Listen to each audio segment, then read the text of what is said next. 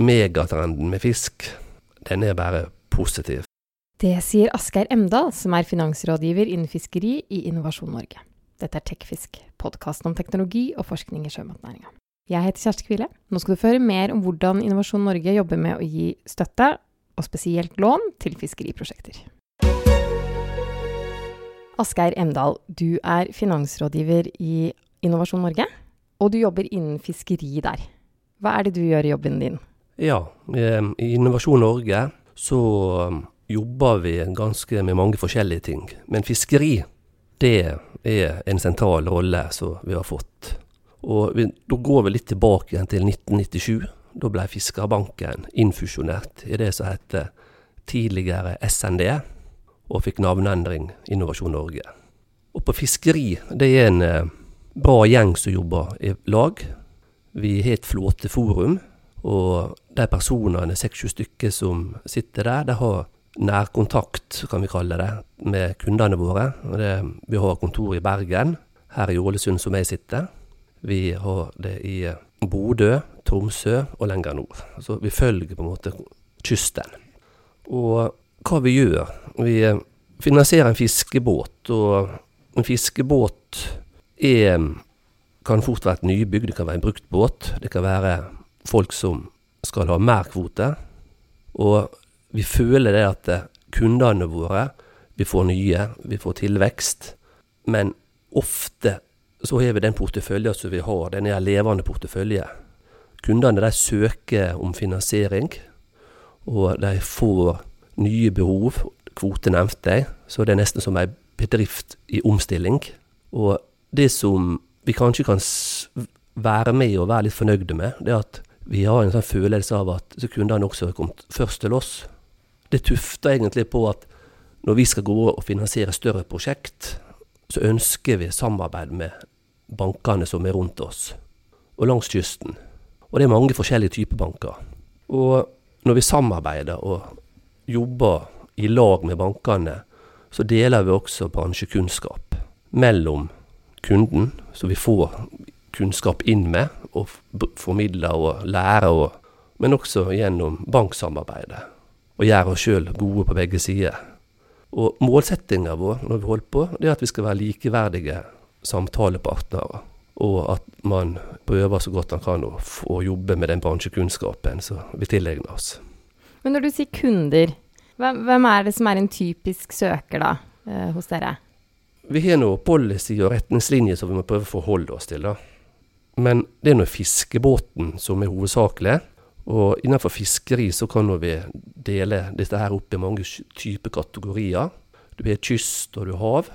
Og innenfor kystsegmentet det er det på en måte det mest spennende når det gjelder å sette sammen kvotepakker. Det er forskjellige typer små pakker som skal settes sammen. Og vi har ulike hjemmelslengdegrupper. Har hjemmelslengde under 11 meter, som ikke får strukturere i dag. Og så begynner vi med strukturordninger der du kan slå sammen kvoter. Og det er da hjemmeslengde på 11 til 15 meter. Og så kommer nå denne her spørsmålet om 15 til 21 skal slås sammen med den største hjemmeslengdegruppa, som er 21 til 500 kubikk. Og så har du forskjellige valører innenfor hav. Du er ringnot, du er pelagisk trål, du er det vi kaller autoline, det konvensjonelle.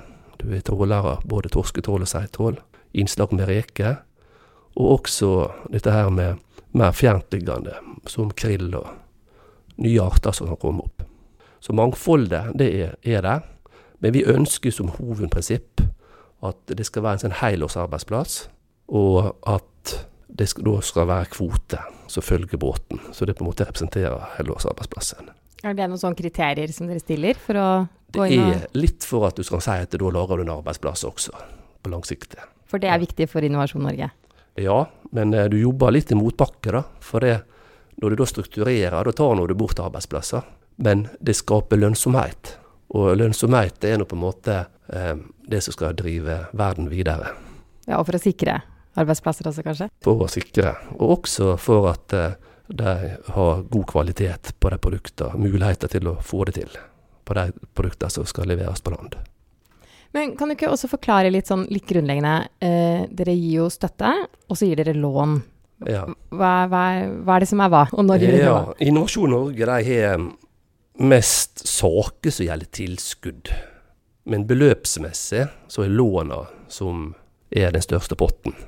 Og markedslånet som hovedsakelig går på fiskeflåten, det er det som er uten tilskudd. Som det er der du er så lett å samarbeide med banken. Og vi er nå egentlig en liten aktør i bankverden, men, og vi er avhengig av å ha godt samarbeid. Og vi er også rammestyrt på disse her markedslånene våre. Det er en årlig pott som har vært på siste åra på 2,5 milliard.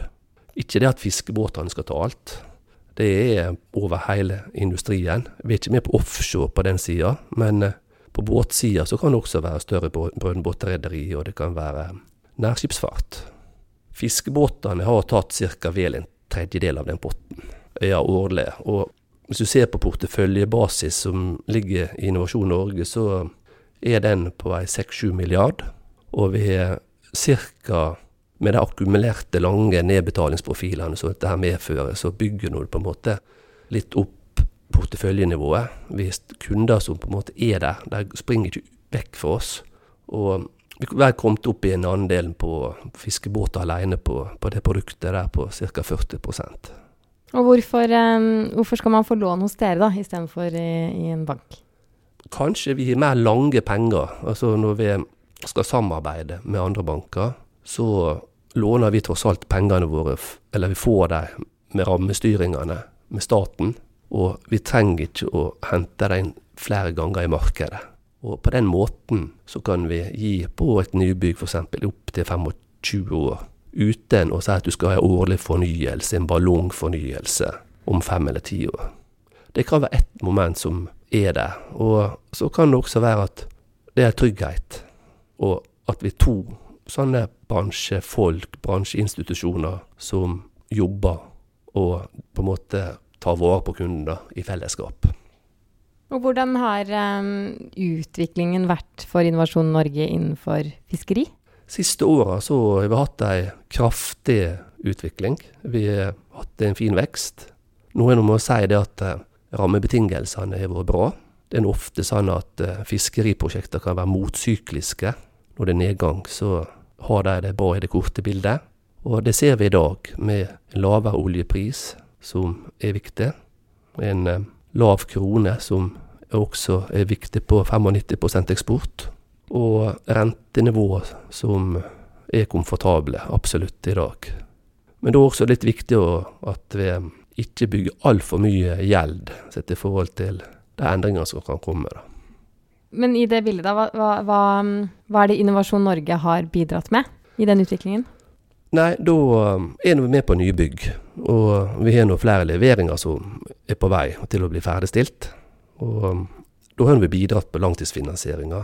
Vi er ikke en driftsbank, men vi er samarbeidende institutt for en fiskebåtreder på større nivå. Og um, hva vi bidrar med? Vi bidrar nå med at eh, den kunden får en langsiktig, god finansiering, og at på en måte jeg vil nå mest si at vi spiller hverandre gode. Og da tenker jeg like mye på banken ved siden av oss. Er det først og fremst eh, nybygg? Nei, men vi har nå foretrekt kanskje mer nybygg. Det er nå det er en ting at det også er med på å skape ekstra sysselsetting på det korte bildet. Men eh, det å fornye en båt er like viktig for det det gjelder. Og også dette her med å, å anskaffe kvote. For det er jo det du skal leve av. Det er det som er langtidskontrakter. Men eh, tilskudd, da?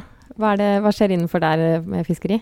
Eh, Fiskeflåten har fått en mindre andel av tilskuddsbeløpet av Innovasjon Norge. og det noe, har noen litt andre kilder også. Du har Enova, som også kommer med nye ordninger nå. De større har et NOx-fond de kan søke på. Og vi er med på enkelte saker, men det, det går jo mer på nyvinning og kanskje noe med forbedring av fisken. Og vi kan nå være borti eh, ja, sånn av og til. Kommer borti det. Eh, batteripakker, nye trådkonfigurasjoner. Så vi er ikke fremmed for det, da. Men eh, det hovedsakelig så er det lavrisikolåner som er produktet vårt. Hva så jeg forsto det riktig, det er det mest utstyrsleverandør eventuelt da, som er inne på tilskuddssida? Ja, på den delen der så er nå det, tenker vi vel at eh, hvem er det virkelig som skal selge til produkt, utstyret? Og da er det utstyrsleverandøren som fortjener den nyutviklinga, mer enn kanskje fiskebåtrederen som er en krevende kunde. Ja, hvorfor er de krevende, da? Nei, det er noe Det er ikke serieproduksjon de holder på med. Det er ofte familieselskap som har én båt, kanskje to, og så lærer de av hverandre. Og så skal de ha det kanskje på litt på sin måte, men eh, ja, det er vel stort sett at det er også en litt tidslinje mellom hver gang ting skjer. Så det er krevende i sin tilnærming på hvordan dette skal være. Hvilke råd har du da til de som skal søke eh, lån hos dere? Nei, de må i hvert fall um, søke før et prosjekt er starta. For det er også en spesiell ting med Innovasjon Norge, at vi kan ikke gå inn og refinansiere. Vi skal prøve å skape nye prosjekt. Og når vi da skaper nye prosjekt, så skaper vi indirekte sysselsetting. Og andre kroner med samarbeidende bank, pluss en egenkapital. Så vi jobber litt etter den lesten at én krone for Innovasjon Norge, det skal også komme en annen krone for en bank, og så litt egenkapital. Og da får du litt sånn ringvirkningsøkning i samfunnet. Og noe mer, da? Har du noen sånne andre gode råd? Ja, annet enn å komme tilbake og vært såpass tidlig ute at de, eh, søker. Nei, de, vi liker noe mest aktive fiskere. Det er spesielt når vi ser på mindre båter, for det, der er blitt mer avhengige. Og har du større og større båter, så er det systemer som, som, er på en måte mer sikre. Men på mindre båter så er det driveren som må på en måte stå i båten. Men uansett så er dette der å, at vi, vi, er inne i dette her med likeverdige samtalepartnere, at vi møtes, at det er bransjekunnskap som deles, og hvordan dette her driftsopplegget skal være gjennom et kalenderår. Hva måte du skal utnytte det, sesonger, hvor du skal forflytte. Så, så vi er veldig interessert i næringa og hvordan produktet, kvaliteten på fisken, blir ivaretatt, for så at den landbedriften får på en måte prøve å bearbeide den på best mulig måte. Korona, da, hvordan har den eh, pandemien påvirket dere?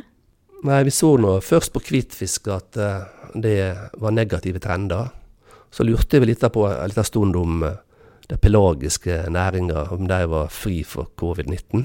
Det var noen gode indikasjoner på priser, og, vi ser nå også at det kanskje der var en liten depp. Om vi skal kalle det covid-19 eller ikke, det er jeg litt usikker på.